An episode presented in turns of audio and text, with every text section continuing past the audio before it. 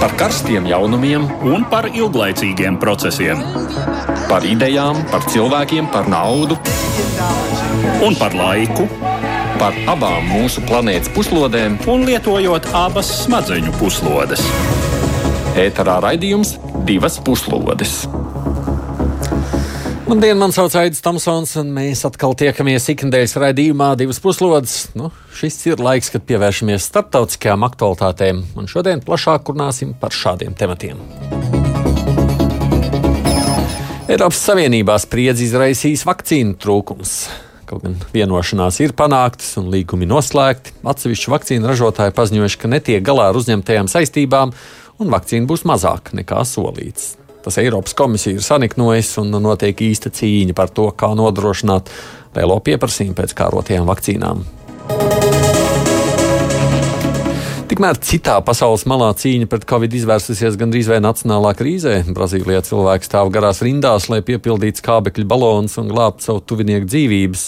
Valsts to nav spējusi nodrošināt, un kam līdzi seko arī politiskas kaislības. Mēs runāsim par to, kas notiek Brazīlijā. Bet sāksim mēs ar notiekošo Krievijā. Tur pēc nedēļas nogalē organizētiem protestiem turpinās aizturēšanas, kratīšanas un tiek izvērsta arī plaša propagandas kampaņa. Mēs sāksim ar faktu apkopojumu, kur gatavo mūsu raidījuma līdzautors Edvards Liniņš. Viņš būs pie klausulas. Sveiks, Edvard! Labdien! Mūsu producenti jau uzreiz šo apkopoto materiālu ir sagatavojuši skanēšanai ētrā, un tāpēc klausāmies vispirms to. Protesta akcijās, kas sestdien notika 196 Krievijas pilsētās, pēc vispieticīgākajām aplēsēm piedalījušies 110 tūkstoši cilvēku. Savukārt akciju iniciators Korupcijas apkarošanas fonds lēš to skaitu uz 250 līdz 300 tūkstošiem. Katrā ziņā tie ir plašākie protesti kopš 2017. gada, kad Krievijas pilsoņi izgāja ielās, protestējot pret varas korumpētību un līdzekļu piesavināšanos. Toreiz par konkrēto ieganstu kļuva korupcijas apkarošanas fonda un tā vadītāja Alekseja Navaļņī veidotā filma Viņš jums nav nekāds dimons. Pētījums par toreizējā Krievijas premjerministra Dmitrija Medvedeva nelegāli saraustajām bagātībām. Pašreizējie protesti ir kā nākamā sērija šai sāgā, tikai likmes ir vēl augstākas, sevišķi jau Krievijas valdošā režīma kritiķam Navaļņiem. Kā zināms, 17. janvārī Navaļnīs atgriezās Maskavā, kur viņš nekavējoties tika arestēts un paturēts apcietinājumā. Krievijas tiesu vara apsūdz opozicionāru nosacītā soda izciešanas noteikumu neievērošanā, kas viņam var draudēt ar reālu vairāku gadu cietumsodu. Tikām tīmeklī tika publiskots Navaļņī un viņa komandas jaunākais darbs - dokumentālā filma Pils Putinam Autora vēsta par pompozu un miljardus dolāru vērtu celtņu kompleksu pie Melnās jūras, kas saskaņā ar viņu apgalvoto uzbūvēts Krievijas vadonim par koruptīvās schēmās iegūtu naudu. Tāpēc tūkstoši, kas pagājušo sestdienu izgāja Krievijas pilsētu ielās, skandēja nevienu brīvību Navaļņiem, bet arī Putins Zaglis. Kremļa vara, kā ierasts, raidīja pret protestētājiem policiju lielā skaitā, lai gan šoreiz varas kalpi lietoja tikai stekus un zābakotās kājas. Savukārt protestētāji daudz vietā apmētājuši policistus ar sniega pikām, kā arī vienā gadījumā Maskavā pārdījuši federālā drošības dienesta automašīnu, kuras vadītājs rezultātā gūs acu traumu. Kā liecina līdzinājā prakse par šādiem nodarījumiem, Krievijā var tikt piespriesti visai bargi cietumsodi. Tiek ziņots, ka kopumā valstī aizturēti nepilni 4000 cilvēku, no tiem apmēram 1500 Maskavā. Pēc protestiem policija rīkoja kratīšanu Navaļnī dzīvoklī. Navaļnī līdzgaitnieki paziņojuši, ka kratīšana pamatot ar sanitāru epidemioloģisko normu pārkāpšanu sestdienas protestos. Par minētajiem pārkāpumiem aizturēts Navaļnī brālis un viņa fonda juristi. Opozicionāra līdzgaitnieki aicina cilvēkus uz jaunām protesta akcijām 31. janvārī. Klausos šobrīd ir arī Latvijas Universitātes pasniedzēja Latvijas transatlantiskās organizācijas ģenerālsekretāra Sigita Struberga. Labdien, Strubergas kundze! Labdien! Kā jūs abi, nu, Edvards, nu, droši vien sāciet, Sigit, jūs vispirms vērtējat, nu, tādi pāris simts tūkstoši protestētāji visā Krievijā taču neizklausās daudz, vai ne? Nu, ja, ja man ir jāiesāk, tad jāsaka, lai cik skumji nebūtu, manuprāt, uh, diemžēl, uh, lai arī kādam no opozīcijas vai arī brīvajiem mēdījiem Krievijā gribētos zīmēt gaisa saimes un teikt, ka pārmaiņu gaiss ir jūtams jau Krievijā. Nu, diemžēl, laikam, nevarēšu piekrist šim optimismam. Jo faktiski, ja mēs paskatāmies sabiedriskās domas aptaujas, jā, tad par to pašu Navaļņu, kā reiz nesen nāca Levadas pētījumi klajā. Nu, cilvēki jau īsti netic, nu, vairāk nekā puse netic, ka Navaļnijas ir speciāli indēts. Vēl puse aptuveni tic, ka, piemēram, tā saucamais mm, nu, antirietumu organizāciju likums, jā, faktiski ir vērsts uz to, eh, ja tiem ārvalstu aģentiem, ka tas likums ir vērsts uz to, lai pasargātu Krieviju. Un tā ir tā nu, Krievijas realitāte. Un šie uh, simts tūkstoši īsti neataino patieso um, Krievijas iedzīvotāju. Nu, tādu uh, vispārējo viedokli, lai arī pilsētās tā aina ir cerīga.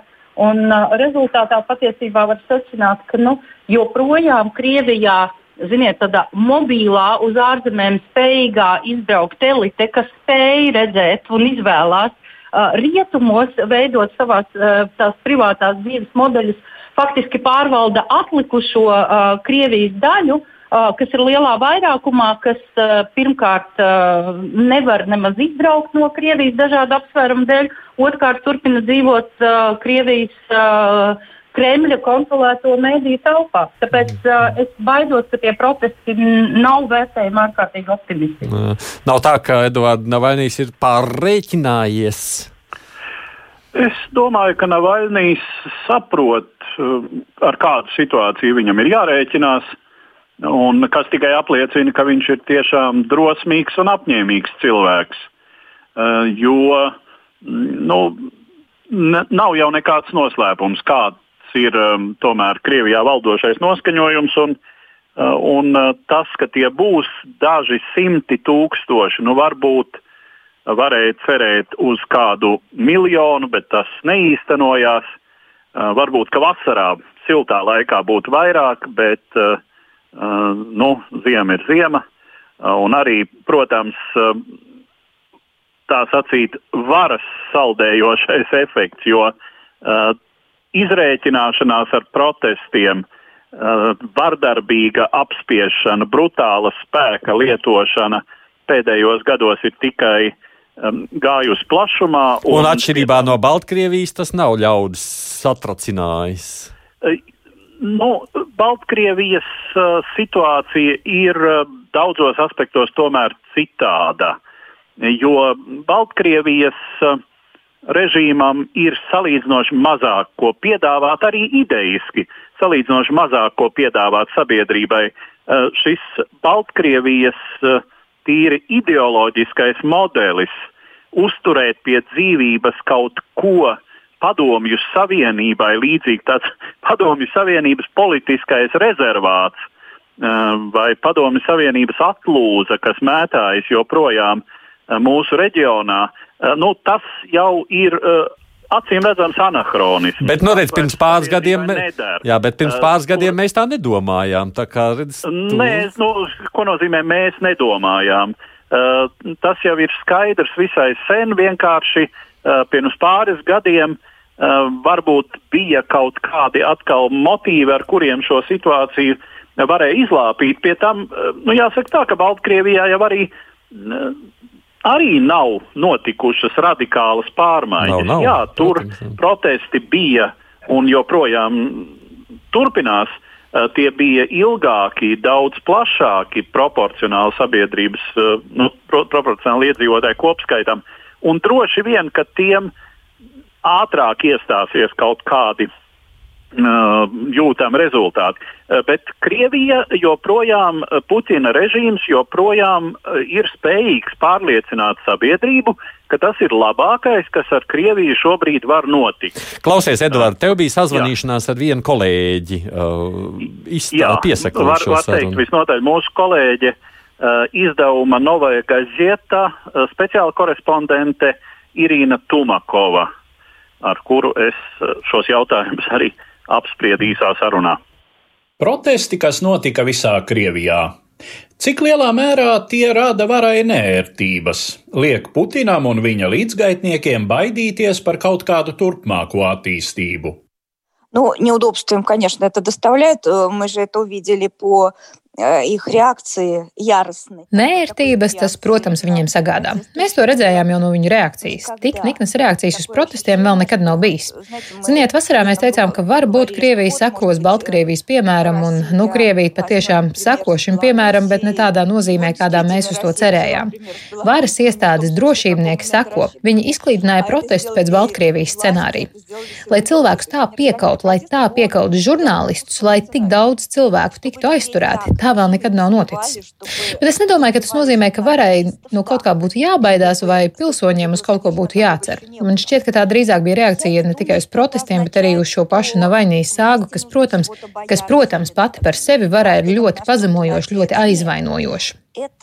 Viņa filma par Putina pili ir netik daudz atmaskojoša, jo nekādu īpašu jaunatklājumu jau tur nav. Viss tas jau agrāk bija zināms, bet šī filma ir ļoti aizskaroša. Viņš to parāda tādā gaismā, kādā mēs par viņiem, protams, domājam, bet skaļi tādā līmenī tas neizskanēja. Tāpēc, protams, es domāju, viņi ir saniknoti, bet kas attiecas uz kādām briesmām varai, diemžēl es domāju, viņiem viss joprojām būs labi. Что касается какой-то для них опасности, увы, я, я думаю, что у них все будет хорошо. Bet no sabiedrības attieksmes viedokļa. Vai sabiedrība uzskata, ka tā tam arī ir jābūt, ka šie ļaudis to ir pelnījuši, ka tā ir jādzīvo caram un bajāriem? Vai arī viņiem vienkārši pietiek ar to, ka Peskovs pasaka, ka tās ir blēņas, tas viss ir izdomāts un vispār izdomāts amerikāņu valsts departamentā? Я бы здесь не стала обобщать, потому что... Es nevispārinātu, jo, manuprāt, Krievijas sabiedrībā ir klātesoši visi jūsu piesauktie reakcijas paveidi. Jo, lai arī nebija zināms par konkrēto poda birsti konkrētajā Gelenģikā, bet līdzīgi stāsti lokāli dažādos reģionos ir parādījušies pastāvīgi. Konkrēti zelta toaletes podu un birstes tas ir viens pret vienu Pēterburgas stāsts. Pēterburgas administrāciju arī pieķēra ar zelta toaletes podiem. Un nekas. Neviens neprotestēja pret šiem viņa iepirkumiem un negāja viņus gāzt. Un daudzos ļaudīs, ar kuriem man nākas runāt, ir tāds viedoklis, ka tā arī priekšniekiem ir jādzīvo. Ja kādas Krievijas pilsētas mērs sāks braukāt ar velosipēdu, kā kaut kādā Latvijā vai Norvēģijā, viņu vienkārši pārstās cienīt. Respektīvi, cienīs kaut kādi daži pustraki liberāļi, bet visi taču zina, ka viņi ir idiņi un ko no tādiem vispār var gribēt. Tautai ir jāredz varas spožums. Tā ir tāda impēriska domāšana. Tāpēc es nedomāju, ka viss šis novadīs pie lieliem rezultātiem no apakšas. Kas attiecas uz rezultātiem no augšas, tad šo stāstu par poda birsti, pilu un vainiju nevar uztvert kā kaut ko atsevišķu. Tā ir daļa no lielāka stāsta par to, kas notiek starp Krievijas varu un valstī dzīvojošajiem. Es apzināti lietoju šo apzīmējumu valstī dzīvojošie. Krievijas varai cilvēki nav nekas. Varas pārstāvji dzīvo savā ļoti labā, ļoti lieliskā valstī, ko paši sev ir uzbūvējuši un kurā šie iedzīvotāji viņiem briesmīgi traucē. Staigā te apkārt traucē mums lietot mūsu zelta podu birstes. Kāda viņiem vispār daļa, kā mēs tērējam savu naudu? Viņi to uzskata par savu naudu, un tāpēc uz viņu protestiem reaģēt nav nekādas vajadzības, izņemot to, ka jāpiežmiedz un jāaptur. Ja protesti pārsniedz kaut kādas pieņemamas robežas, tad jāpiežmiedz tās skarbāk. Tāpēc es neticu kādām tālajošākām sakām, izņemot tālāku skrūvju piegriešanu. To vara veiksmīgi dara un darīs. Jūs jau droši vien ziņās redzējāt šo protestu kvantitatīvo novērtējumu. Šur tur iznāca kāds tūkstotis, bet kopumā šie protesti ir ļoti nelieli, pat Maskavā. Tie nesasniedz pērnā gada Habarovskas protestu līmeni, par Baltkrievijas līmeni pat nerunājot. Ielās izgāja daži pustraki margināļi. Es to, protams, saku pēdiņās. Ļautiņi, kuri neskatās televizoru un tāpēc nezina, ka tas viss ir muļķības, ka Putins ar Peskovu muti jau visiem visu ir paskaidrojis un arī pats visu ir paskaidrojis. Viņš taču pateica, ka tas viss ir blēņus un nekas viņam tur nepieder. Un, ziniet, Viņš jau arī teica taisnību. Jā, man tur nekas nepieder. Dažus no šiem cilvēkiem es zinu, bet citu vārdus dzirdu pirmo reizi. Protams, un kāpēc gan viņam būtu jādomā par kaut kādiem vārdiem? Viņš zina savu tuvāko vārdus, bet visi pārējie viņam ir kamīna briketes. Имена своих ближайших друзей. Все. Остальные это для него топливные брикеты. Hmm. Irina Tumakova no laikraksta Novai Gazeta speciāla korespondente. Klausoties šajā visā, Sigita, nu, faktiski, ko tas nozīmē Navaļnijam pašam nākotnē, ja šī situācija tāda ir? Kāda tā ir? Nu, Navaļņiem tas nozīmē turpinošās tiesas prāvas, bet es gan gribētu teikt, ka Navaļņiem jau nebija ļoti liela, nu, tas, jā, viņš neapšaubām ir drosmīgs. Uh, tur es piekrītu kolēģis, bet tajā pašā laikā ļoti daudz jau izvēles viņam nebija. Jo paliekot Vācijā, viņš zaudētu daļu atbalstītāju, cilvēki būtu vīlušies viņā. Un viņš arī zaudētu tādu morālo pārākumu, kas viņam šobrīd ir pār uh, tiem, ko viņš kritizē būtībā. Uh, bet man liekas, ka vienlaikus tā, protams, ir arī zināma Navaļnija uzvara tai ziņā, ka faktiski Kremlis tik asti reaģējot un tādā veidā sagaidot Navaļniju uh, mm, lidostā, faktiski arī paši zināmā mērā pasvītro to uh, Navaļņiju uh, kā opozīcijas uh, uh, zināma tāda līdera uh, nozīmi. Uh, un, uh, Tas, ko dažkārt raksta tie paši Krievijas opozīcijas mēdīji, ka faktiski nu, pateicot Navaļnijas arī nākotnē visticamāk saprotot situāciju, mēģinās, mēģinās kā, m, turpināt to politiku la, tā, lai, uh, lai arvien vairāk cilvēki tomēr uh, ne, nu, uh, nu, nenoticētu Kremļa vai Putina teiktajam par veida materiāliem par korupciju, ka nu, ir interesanti lasīt, vai zabavni čitāt, vai arī proiski zapadных spецслужб, tātad rietumu spēcdienestu kaut kādas akcijas, jā, pret Kremli.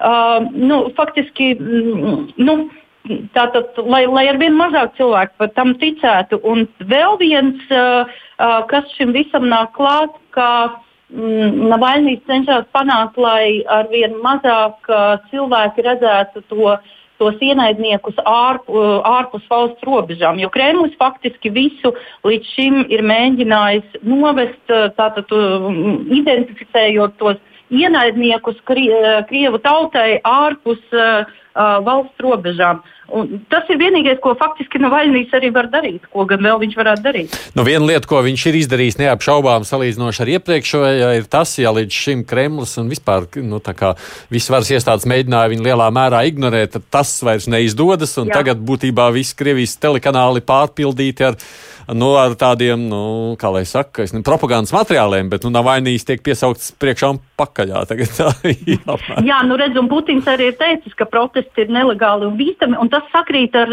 tām, ar to, ko raksta par Putinu, ka faktiski nu, Putinam ir paniskas bailes no protestiem un revolūcijām.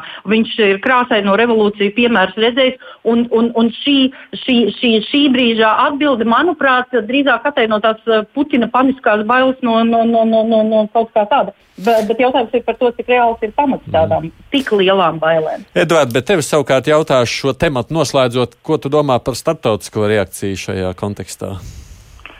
Startautiskā reakcija ir uh, nu, jāsaka, adekvāta. Uh, tas, ka Navaļnijam ir tiešām izdevies pievērst sev uzmanību, nu, kaut vai tas, ka pirmajā telefona sarunā ar Putinu uh, jaunievēlētais Savienoto Valstu prezidents Baidens tomēr arī ir runājis cita starpā par Navaļniju. Un, ja mēs atceramies vēsturi, tad uh, um, nu pat mēs uh, atzīmējām barikāžu 30 gadi, un tur arī šis motīvs bija ļoti svarīgs, ka uh, toreizējais Savienoto Valstu prezidents uh, lika pie sirds uh, toreizējam padomi līderim Gorbačovam, uh, tā sacīt, nelietot spēku Baltijā, un tam bija ļoti liela nozīme. Nu, teiksim, Savienoto Valstu prezidenta uh, draudzīgiem aicinājumiem šādā gadījumā uh, ir pietiekami liels svars. Nu, tas varētu citu starpā mm, Navaļniju uh, pasargāt no kaut kādām uh, ļoti nopietnām nepatikšanām. Nu, varētu domāt, ka tomēr uh, gadi cietumā vai vēl viens slepkavības mēģinājums viņu varētu arī negaidīt, lai gan, nu, kas to zina. Ja? Mēs, mēs jau neviens īsti nezinām, kādi mehānismi notiek, kādi mehānismi darbojas Kremlī. Uh, Eh, cik lielā mērā tas ir Putins un viņa individuālā paranoja, un cik lielā mērā tur ir citi varas procesu bīdītāji. Eh, jo kā vienmēr šādos, eh, autoritāros režīmos ir tas jautājums, cik lielā mērā vadonis darbina varas mehānismu un cik lielā mērā varas mehānisms jau liek kustēties pašam vadonim ar, zin, ar savu inerciju. Ja? Tā kā -hmm. Bet, kas attiecas uz starptautisko reakciju, nu, tā ir tāda, kāda tā var būt.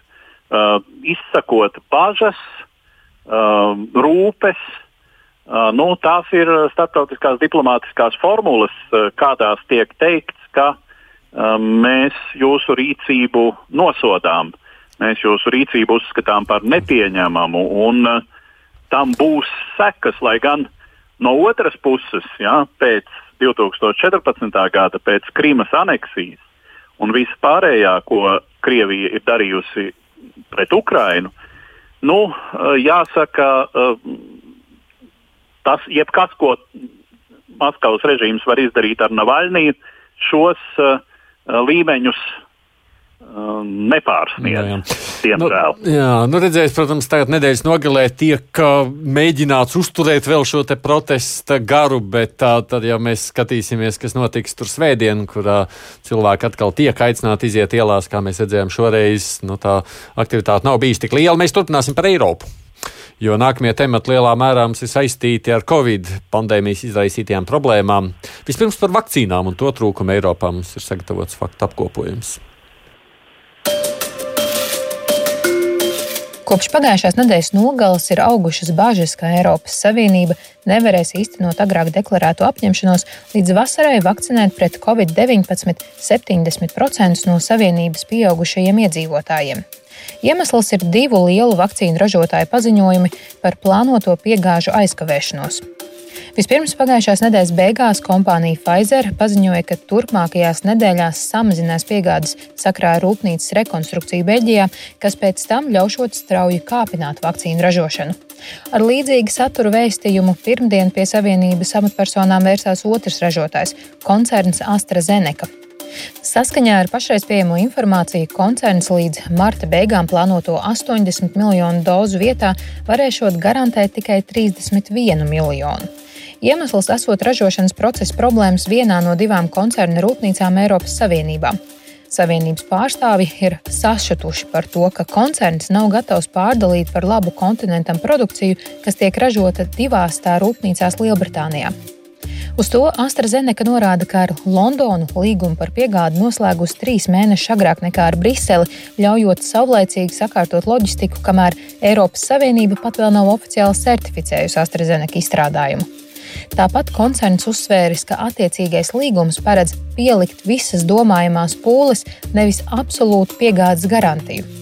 Šo uzstādījumu noraidījusi Eiropas Savienības veselības un pārtiks drošības komisāra Stēlja Kirjakida, savukārt Eiropas komisijas prezidenta Ursula Fonderleina norādījusi, ka Savienība ieguldījusi miljardus atbalstā vakcīnas izstrādē un ražotājiem tagad jāpilda sava saistību daļa. Itālijas, Polijas un vairāku citu Savienības valstu valdību pārstāvji jau izteikušies par iespējamu tiesvedību pret AstraZeneca. Savukārt Eiropas komisija izstrādā mehānismu Savienībā ražoto Covid-19 vakcīnu eksporta kontrolai. Savu maksimumu spriedzi starp Eiropas institūcijām un farmācijas koncernu sasniedz vakar, kad parādījās informācija, ka AstraZeneca atteicies piedalīties plānotajā sanāksmē ar Eiropas Savienības pārstāvjiem. Tomēr medikamentu ražotājs šīs ziņas steidzās noliegt. Tāpat koncernu un arī Vācijas valdības pārstāvi noraidījuši kā nepatiesu otrdien Vācu izdevumos parādījušos informāciju, ka AstraZeneca vakcīnām esot vien 8% efektivitāte pacientiem, kas vecāki par 65 gadiem. Publikācijas atsaucās uz avotu Vācijas valdošās koalīcijas aprindās. Taču, kā komentējusi Vācijas veselības ministrija, žurnālisti visdrīzāk sajaukuši avotu sniegtos skaitļus.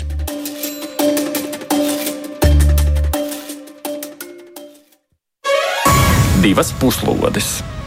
Atgādījumi pie klausulas ir Transatlantiskās organizācijas ģenerālsekretārs Sigits Truberga un raidījuma līdzautors Edvards Liniņš. Šī nenošautā lāča ādas dalīšana, nu, kā izrādījusies, ir aplama, nu, tiek meklēti vainīgie. Jūs prāt, kurš tad ir pārreķinājies? Eiropas komisija vai tie farmācijas milži? Eduards. Es nezinu, vai te ir runa par pārreķināšanos kā tādu. Nu, uh, nav jau, um, teiksim, iemesla kategoriski noraidīt to, ko saka uh, kompānijas AstraZeneca vadītājs, kurš ir nesen devis lielu interviju, uh, sakot, uh, tātad Paskals Sorjokungs, kurš saka, ka nu, tiešām vienā no šajām rūpnīcām tas ir smalks biotehnoloģisks process, kur kaut kas var noiet greizi. Un vienā no šīm rūpnīcām kaut kas šajā procesā nav noticis tā, kā vajadzētu, uh, un uh, tā tad attiecīgā, mm, attiecīgais bioķīmiskais process nav devis vajadzīgo uh, vakcīnas ražošanai vajadzīgo um, šo pamatvielas daudzumu. Jā, pamatviela, kas ir um, šajā gadījumā um, modificēts vīrus, ja, būtībā, mm -hmm. vai vīrusu fragments, kam, kam savukārt no, nu jā. ir um, jārada organismā attiecīgā reakcija. Nu, jā, nu, nu, teiksim, jebkurš nespeciālists jau nevar ap, noraidīt šo apgalvojumu kā mhm. pilnīgi nepamatotu. Nu, labi, bet uh, Strunbergs kundze ir iespējas Eiropas komisijai te kaut ko ietekmēt, mainīt? Nu, faktiski tas, tas, ko par šo rakstu, ka šobrīd Briselē, um, nu, vai pareizāk, eksperti no Briseles ziņo, ka tās um, faktiski varas spēles ir ļoti līdzīgas tam, uh, un Eiropas Savienība sastopās ļoti līdzīgi, līdzīgām tām problēmām, kas bija pirms gada saistībā ar masku iegādi un drošības līdzekļiem. Uh, Un faktiski uh, pagājušajā gadā Vācija un Francija nobloķēja masku eksportu ārpus to robežām.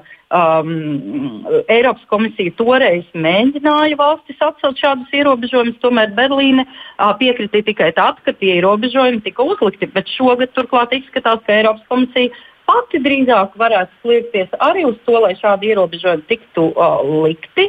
Pat ja to šobrīd Dabrauskas nu, kungs sauc par uh, caurskatāmības uh, nodrošināšanu uh, tam, uz kurien tad vakcīnas tiek piegādātas. Bet es, nu, vismaz šobrīd tā sajūta ir tāda, ka drīzāk tas varētu būt stāsts par to, ka Eiropas Savienība varētu izdarīt uh, šāda veida spiedienu uz kompānijām. Nu, Kā pro... ir arī zināms morāls pamats Eiropas Aha. komisija, uh, Eiropas Savienība ir investējusi uh, faktiski šo zinātnisko programmu attīstībā. Un šajā situācijā, cik es saprotu, tie lielākie cietēji būtu Briti, kuri nedabūtu savus vakcīnas, tāpēc, ka Eiropa savāc. Jā, tieši tā, un Briti jau arī ir pateikuši, ka faktiski uh, viņi to uztvers kā tādu visai um, naidīgu un nepieņemamu uh, nu, reakciju no Eiropas Savienības puses. Hmm. Kā domājat? Jā, nu, pagaidām jā. gan jāsaka, ka Briti uh, ir dabūjuši un turpina pagaidām, dabūt. Jā. Bet, uh, bet nu, protams, ka Britiem uh, ļoti nepatiktu, uh, ja tiešām notiktu šāda uh, produkcijas pārdala, uz ko uz, uzstāja Eiropas Savienība. Nu, tātad, ja jums ir rūpnīca Lielbritānijā, kur ar šo procesu viss ir kārtībā, tad lūdzu proporcionāli pārdaliet šo produkciju par labu mums, nevis piegādājiet uh, to, uh, ko jūs esat apsolījuši Lielbritānijas valdībai. Nu, un, protams, uh, tam visam fonā jau ir lielais jautājums par to, kas notiek ar pārējo pasauli.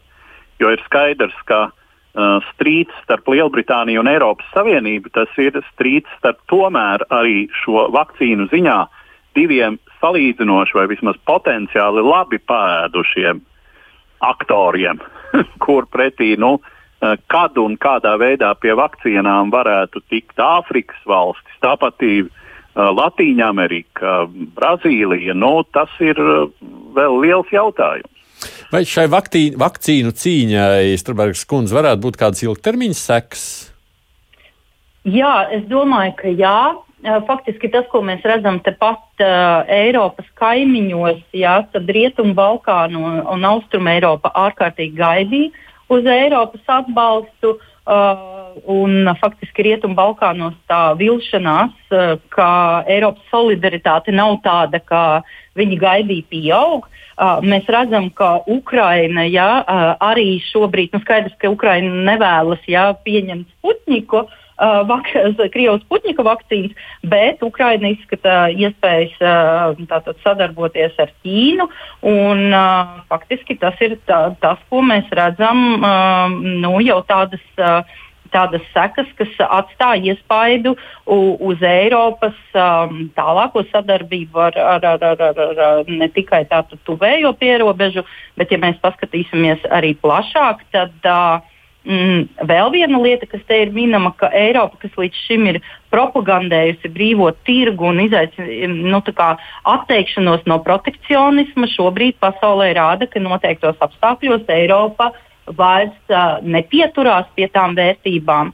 Un ir jau skaidrs, ka vēlāk Eiropa, protams, ziedos miljonus vakcīnu, bet, bet tagad, kamēr problēmas pašiem netiks atrisinātas, um, nu, to, tas uh, kopējais Eiropas uh, tēls un Eiropas kā partnera, um, nu, tad, tad uh, skatīšana, protams, uh, um, var tik negatīvi ietekmēt. Mm. Ko tu domā, Edvard, par tām sekām, kādas šim viss varētu būt? Nu, jā, protams, ka kārtējo reizi, bet nu, jāsaka, kārtējo reizi ar zināmu skepsi tiks uzlūkoti Eiropas deklarētie morālie principi, bet šie principi jau ar zināmu skepsi ir tikuši uzlūkoti arī līdz šim. Mm. Nu, kaut vai tā pašā bēgļu jautājumā, jā, jā, kur Eiropa, protams, cenšas risināt bēgļu problēmas sev maksimāli nesāpīgā veidā, proti um, nelaist uh, pārāk daudz tomēr, nu, par spīti visam, ko, uh, ko varbūt mēs pirms dažiem gadiem piedzīvojām. Tad, uh, nu, ne mēs gluži, jā, bet Eiropas rietumu daļa, um, tad uh, nu, vis, šobrīd vispārējā nostāja ir, ka labāk centīsimies, lai uh, kaut kā šo cilvēku problēmas atrisinātu tur, kur viņi ir, uh, nevis ļausim viņiem ieceļot. Nu, un, uh, tas pats uh, lielā mērā attiecas uz vakcīnu. Lai gan, nu, nu ko lai saka, uh, protams, ka savāda tuvāka. Tās te vien, te visos gadījumos runa ir par cilvēku dzīvībām. Un, nu, es nezinu, vai Eiropai var pārmest, ka tā pirmām kārtām tomēr domā par savu pilsoņu jā, dzīvībām. Ir, jā. Nu, par vakcināciju un covid mums būs jārunā vēl vienas valsts sakarā, tikai nu, tur es pat domātu ne tik daudz par vakcināciju, vairāk vispār par to cīņu pret slimību un izraisītajām konsekvencēm. Runa ir par Brazīliju, tāpēc turpinām ar to, klausāmies vispirms faktu apkopojumu. Pagājušajā nedēļas nogalē protesta akcijas piedzīvoja arī Brazīlija, kur demonstranti izbrauca ielās savās automašīnās, taurējot un vicinot plakātus Bolsonaro lasies, impeachment un vakcināciju visiem. Brazīliešu neapmierinātību izraisījusi prezidenta Žaira Bolsonaro administrācijas darbība pandēmijas situācijā, visai novēlot uzsākot vakcinēšanas programmu un līdz ar decembri pārtraucot finansiālu atbalsta programmu no pandēmijas ekonomiski cietušajiem. Pats prezidents Bolsonaro ilgstoši demonstrēja bravūrīgu attieksmi pret koronavīrusa briesmām, saucot to par gripiņu, ironizējot par masku velkāšanu un sociālo distancēšanos, kritizējot pašpārvaldes ieviestos ierobežojumus. Kā liecina aptauju dati, šobrīd tikai apmēram 31% brazīliešu uzskata prezidenta rīcību par labu esam, kamēr 40% vērtē to kā neadekvātu. Šobrīd Brazīlija ar vairāk nekā 215 tūkstošiem no koronavīrusa infekcijas mirušo ir pandēmijas otrā smagāk skartā valsts pasaulē. Sevišķi smaga situācija kopš gada sākuma izveidojusies Manausas pilsētā valsts ziemeļdaļā, kur slimnīcās akūti trūkst skābekļu un gultas vietu intensīvās terapijas palātās. Brazīlijas ģenerālprokurors Augusto Arras lūdzis augstāko tiesu uzsākt izmeklēšanu pret veselības ministru ģenerāli Eduardu Pazuelu, vainojot viņu bezdarbībā, kas izraisījuši šausminošo situāciju Manausā. Mūsu sarunai šajā sadaļā ir pievienojies arī Jānis Bērziņš. Viņš pats ir uz Latvijas, savulaik pārcēlies Brazīlijas Latvijas. Labdien jums! Labdien! Pagājušā nedēļā faktiski jau viss starptautiskos medijus aplidoja šīs reportāžas no pieminētās Brazīlijas pilsētas, kur cilvēki tur stāvēja katru dienu garās rindās, lai piepildītu savus balonus ar skābekli, nu, cerībā glābt savus mirstošos tuviniekus. Tur skābeklis slimnīcās beidzies un viss bija atkarīgs no radiniekiem. Bērziņkungs, kāpēc tā situācija tur ir tik dramatiska jūsuprāt? Nu, ir vairāk faktori, bet uh, es teiktu, ka galvenais faktors ir Brazīlijas centrālās valdībās un, un var tiešām, es domāju, ka, ka var teikt, ka, ka prezidenta Jaira Bolsonara uh, vaina.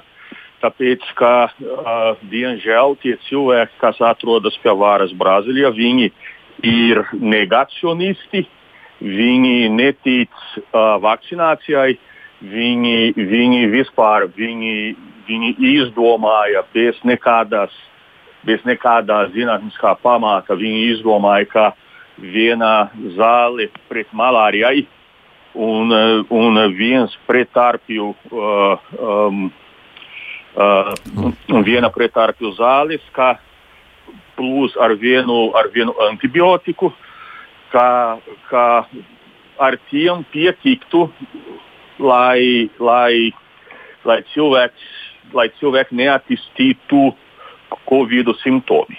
Un e, tas bija īstenībā tas bija uh, Brazīlijas veselības ministrijas protokols. Un rezultāts ir tā, ka Manausa ir, ir Amazonas uh, pavalsts galvaspilsēta. Uh, cilvēki sekoja uh, uh, diezgan centīgi šo, šo mm. Mm -hmm. šo protokolu. Rezultāts ir tāds, kas ir, ka visi, ne visi, bet, bet ļoti daudz cilvēku paliks slimi.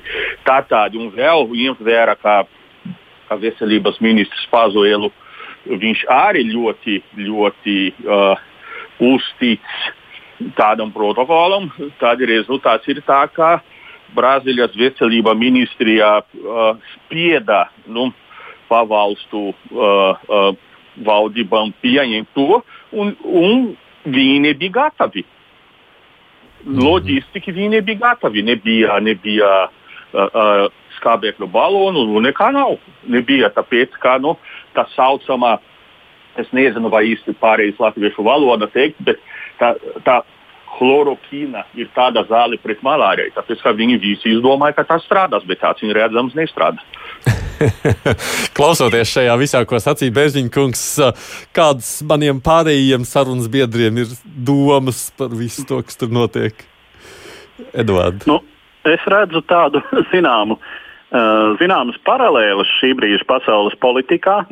Mm, ka dažs labs, tāds um, autoritāri orientēts valsts vadītājs, vai nu, tas, ko angļuiski sauc par strongman, jā, tas ir tātad varas vīrs, uh, Uh, nu, dabū politiski maksāt par to, uh, kā viņa attieksme pret uh, Covid-19 pandēmiju ir bijusi vieglprātīga.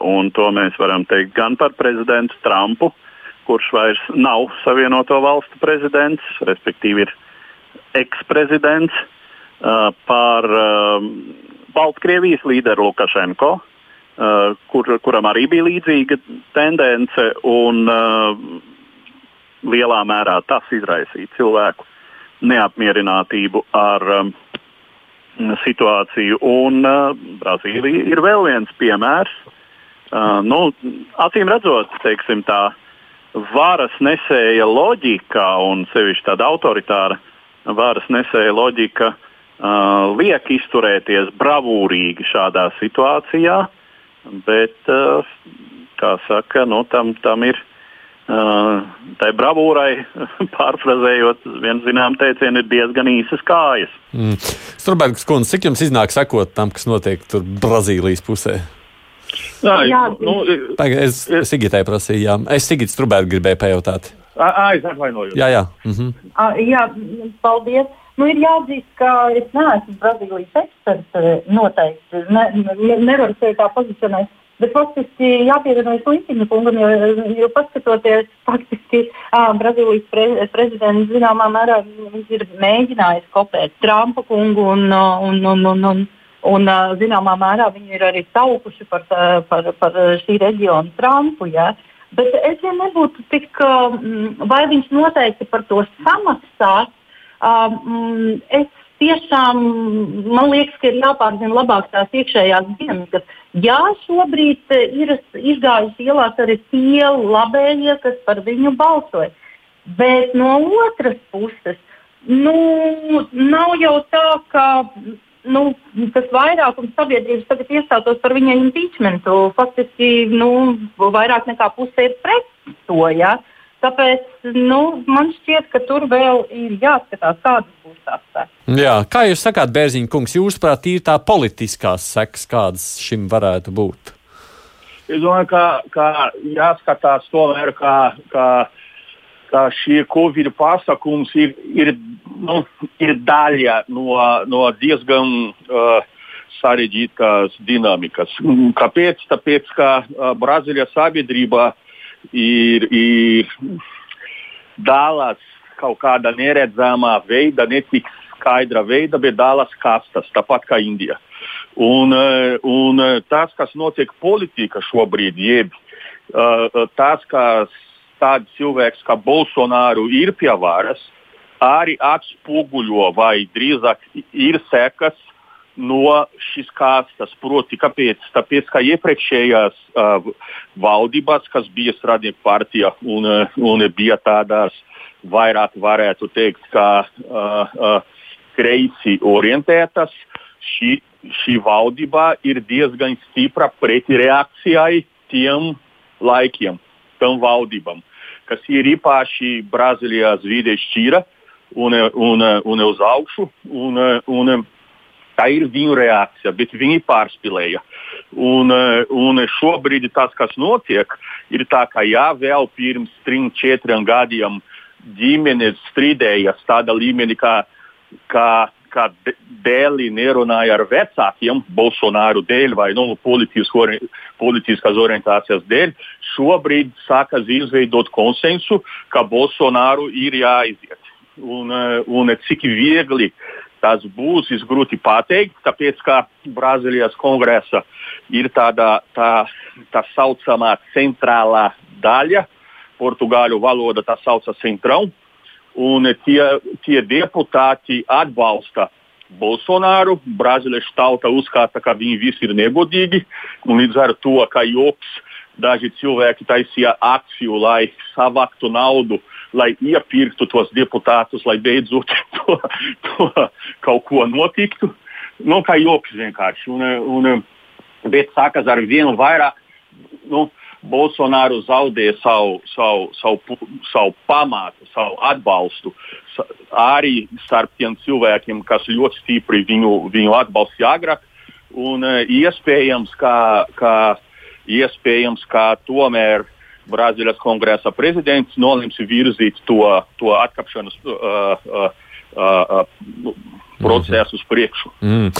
Bet paralēli tam, kas notiek ar šo covid cīņu, ir vēl jautājums par naudu un ekonomiku. Un tas, ko mēs redzējām pirms, man liekas, mazliet vairāk nekā nedēļas, parādījās ziņas, ka arī šīs palīdzības programmas ir apstājušās, sakot no Bolsonaru naudas vairs nav.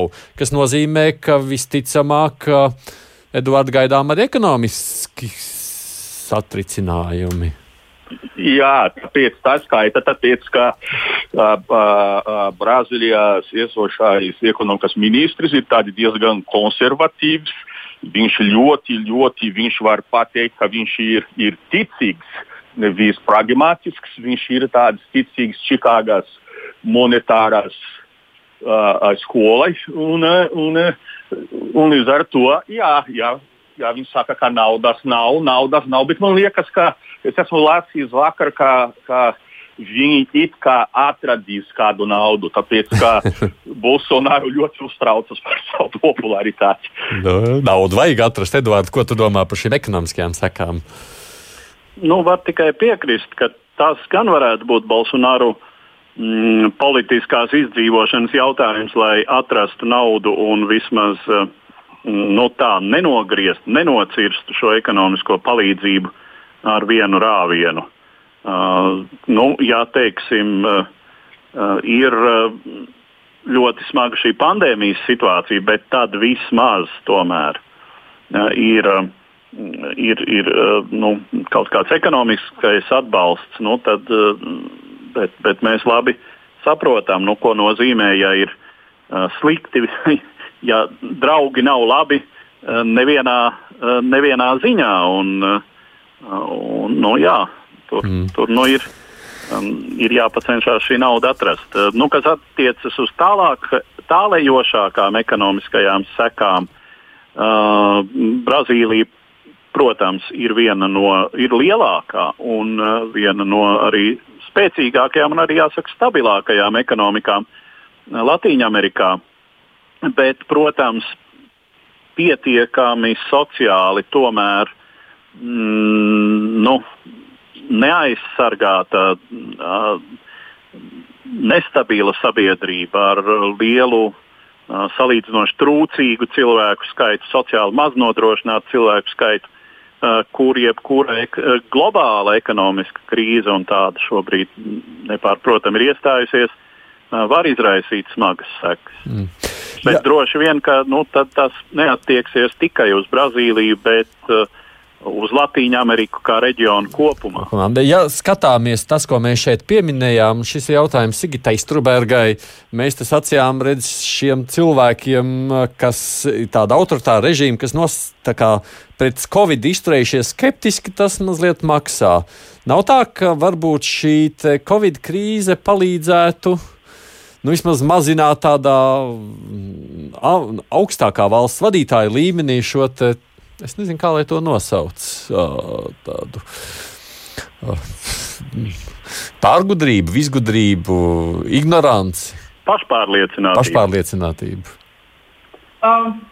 Es baidos, ka, kā mēs redzam, Covid krīze ir arī milzīgs izaicinājums demokrātijām. Un, uh, ņemot vērā to, cik uh, šobrīd ir uh, polarizētas sabiedrības, es baidos, ka tā, tā krīze, tā krīze ne, neveicinās teiksim, šādu pārgudrību vai pašpārliecināto strongmenu, kā jūs teicāt, pazušanu. Um, baidos, ka nē. Iespējams, ka daudzi no viņiem pat atradīs uh, uh, veidus, kā, kā kļūt vēl populārāki. Nu, varbūt ne tieši šis Brazīlijas līderis, bet, uh, bet kopumā es domāju, ka mēs uh, nevērosim tādu tendenci, ka tagad uh, um, nu, tādas autoritāras tendences pēkšņi pazudīs. Bet kā mums ļoti daudz skepsis, mums ir tikai nepilna minūte. Faktiski palikusi Bērziņkungs. Kā jūs paredzat, kad mēs kaut kādu lielāku skaidrību par notikumu attīstību Brazīlijā varētu redzēt? Es domāju, ka drīz pēc, nu, pēc nedēļas, pēc divām nedēļām. Jo tiešām diezgan strauji krita Bolsonaro popularitāte. Vakar un aizvakar bija, bija jau jauni skandali, tā skaita par to, ka viņš izterēja būtu nu, divu miljonu eiro. Ar iebizinātu pienu. un katru dienu kaut kāds jauns notiek. Ir diezgan jautri sekocijas mm. īstenībā. Nu, labi, mēs tad arī sekosim tiem notikumiem, protams, līdz no šīs krasta, kas notiek Brazīlijā. Es jums saku paldies par piedalīšanos, atrašanu laiku šai sarunai un, un analīzē. Jānis Bērziņš, viņš ir arī Latvijas Nacionālās aizsardzības akadēmijas drošības un strateģiskās pētniecības centra direktors. Paldies jums par iesaistīšanos! Jā, Jā, Sigita Struberga ir Latvijas Universitātes pasniedzēja un Latvijas transatlantiskās organizācijas ģenerālsekretāra. Paldies jums, Sigita. Paldies. Nu, un, protams, mūsu raidījuma līdzautors komentētājs žurnālists Edvards Liniņš. Paldies, Edvard, arī Paldies. tev. Mēs, kā jūs sakat, turpinām sekot visiem notikumiem līdzi, bet mums ir vēl laiks dažām citām ziņām īsumā par aktualitātēm, kas vēl ir noticis pasaulē šajās nedēļas laikā. Tādēļ mēs turpmākajās minūtēs ar tām turpinām. Kaut arī ASV ir cits prezidents un Džo Baidens jau ļoti aktīvi strādā, situācija valstī nav kļuvusi drošāka. Tieši otrādi. Iekšzemes drošības ministrija trešdien visā valstī izsludinājusi terorismu trauksmi, kā iemeslu minot potenciāls draudz no vietējo ekstrēmistu puses. Kā norādīts ministrijas paziņojumā, Trumpa atbalstītāji, kas nav apmierināti ar varas maiņu, plāno dažādus pretpasākumus tiesa. Amatpersonas atzinuši, ka viņiem nav informācijas par kādu konkrētu ticamu plānu. Tomēr izplatītajā dokumentā teikts, ka vardarbīgi grautiņi ir turpinājušies, un mēs joprojām esam nobežījušies, kā ar valdības varas izpildi un prezidenta varas nodošanu sadusmotas personas turpinās mobilizēt plašu loku ideoloģiski motivēti spēlētāji, lai uzkurinātu un pastrādātu vardarbību. Citādi beigas. Jāpiebilst, ka kopš 6. janvāra uzbrukuma kapitolijam ir aizstāti vairāk nekā 150 cilvēki, tostarp bruņotu ekstrēmistu grupējumu locekļi. Krievijas Federālā drošības dienas darbinieki, kas sekojuši opozicionāram Aleksējam Navainijam, ir nogalinājuši vismaz vēl trīs cilvēkus. Tas konstatēts pētnieciskā žurnālistikas centra Bellingcat un The Insider, kā arī vārdu žurnāla Der Spiegel veiktajā izmeklēšanā. Runa konkrēti ir par žurnālista Timura Košieva, aktīvista Ruslana Mogomedra Gīmova un kustības jaunā Krievija līdere Nikitas Isājevas slepkavībām.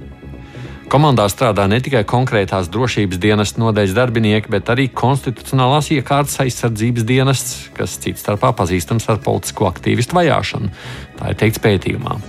Turklāt paradoxāli ir tas, ka par varas sankcionēto slepkavu upuriem tā tad var kļūt ne tikai aktīvisti un žurnālisti, bet arī visādā ziņā sistēmas personāži, kas uzstājas propagandas televīzijas šovos un kritizē Navaļnī, kāds ir noticis ar Isājevu. Tā norāda pētījuma autori. Ir nodots vēl viens ultimāts Polijai par tās iejaukšanos tiesu neatkarīgajā sistēmā. Eiropas komisija trešdien atvēlējusi Polijai mēnesi laika disciplināru lietu palātas darba apturēšanai. Valdības ieceltā palāta, kas tika izveidota 2017. gadā, lai par pārkāpumiem sodītu tiesnešus, ir viena no daudzajām pretrunīgajām reformām, kas tika īstenots pēc Nacionāla konservatīvās partijas likums un taisnīgums nākšanas pie varas 2015. gadā. Augstākās tiesas disciplināra lietu palāta turpina īstenot kontroli pār polijas tiesnešiem un apdraud viņu neatkarību. Tā paziņojumā norādījis ir Eiropas Savienības tieslietu komisārs Didjē Reinders. Ja Varšava nerīkosies, ko tā līdz šim nav darījusi, tad Eiropas komisija varētu atkal vērsties pret Poliju Eiropas tiesā. Skeptiķi gan norādījuši, ka Eiropas Savienība nav spējīga ietekmēt savu dalību valsti. Tomēr Reinders izteicies, ka šīs lēmums būs vēl viens solis, kas noteikti nesīs augļus. Polijas valdošā partija skaidro, ka tieslietu reforma nepieciešama, lai vērstos pret korupciju tieslietu sistēmā. Reformas pretinieki savukārt apgalvo, ka tās īstenošana rada draudus likuma varai. Itālijā krītusi valdība. Tās premjerministrs Giuseppe Conte otrdien prezidentam Sergio Matarellam iesniedz paziņojumu par atkāpšanos no amata. Tomēr novērotāji skaidro, ka šādi Conte cer izveidot jaunu un spēcīgāku valdību. Prezidents atkāpšanos pieņēmis, paturot tiesības izlemt, ko darīt tālāk, un aicinājis valdību turpināt pildīt pienākumus pagaidu kabineta statusā. Tā ir teikts Matarellas biroja paziņojumā. Prezidents trešdienas pēcpusdienā arī uzsāka sarunas ar partiju līderiem par tālākajām perspektīvām, un ļoti iespējams, ka jau šodien varētu sagaidīt kādu paziņojumu. Konte domājams centīsies iegūt jaunu mandātu, kas viņam veiksmas gadījumā būs jau trešā valdība trīs gadu laikā. Tomēr daudz kas atkarīgs no viņa spējām paplašināt vairākumu parlamentā. Pastāv iespēja, ka ekspremjera Mateo Renci partija Itālijā Viva, kas pirms divām nedēļām izstājās no koalīcijas, varētu atbalstīt valdību tad, ja premjerministrs tiek nomainīts. Pagājušā nedēļā Konti izturēja divus uzticības balsojumus parlamentā, bet nespēja nodrošināt vairākumu senātā.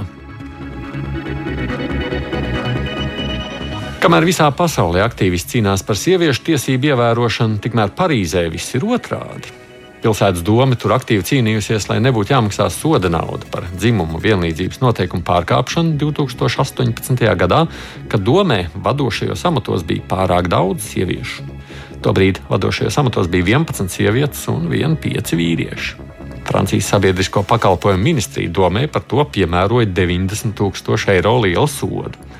Tomēr domē ir izdevies panākt šī lēmuma atcelšanu. Un kā trešdien Twitterī paziņoja Francijas sabiedrisko pakalpojumu ministra Amēlija de Monšalēna, sots nebūs jāmaksā. Saskaņā ar 2013. gadā Francijā pieņemtiem noteikumiem viens dzimums nedrīkst aizņemt vairāk nekā 60% no vadošajiem amatiem. Noteikuma mērķis toreiz gan bija paplašināt sieviešu iespējas ieņemt vadošas amatus valsts pārvaldē, bet nu, situācija sanāca pretēji. Tādēļ tagad noteikumi ir mainīti, lai nebūtu jāmaksā sots, ja nevienlīdzība tomēr neizdodas īstenot.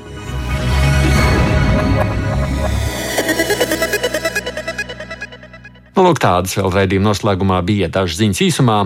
Divas puslodes šodien līdz ar to izskan. Raidījumu vadīja es, Aits Tomsons, producents mums ir Ieva Zeiza. Tiksimies atkal pēc nedēļas, kad lūkosim, kas ir noticis lielajā pasaules politikā.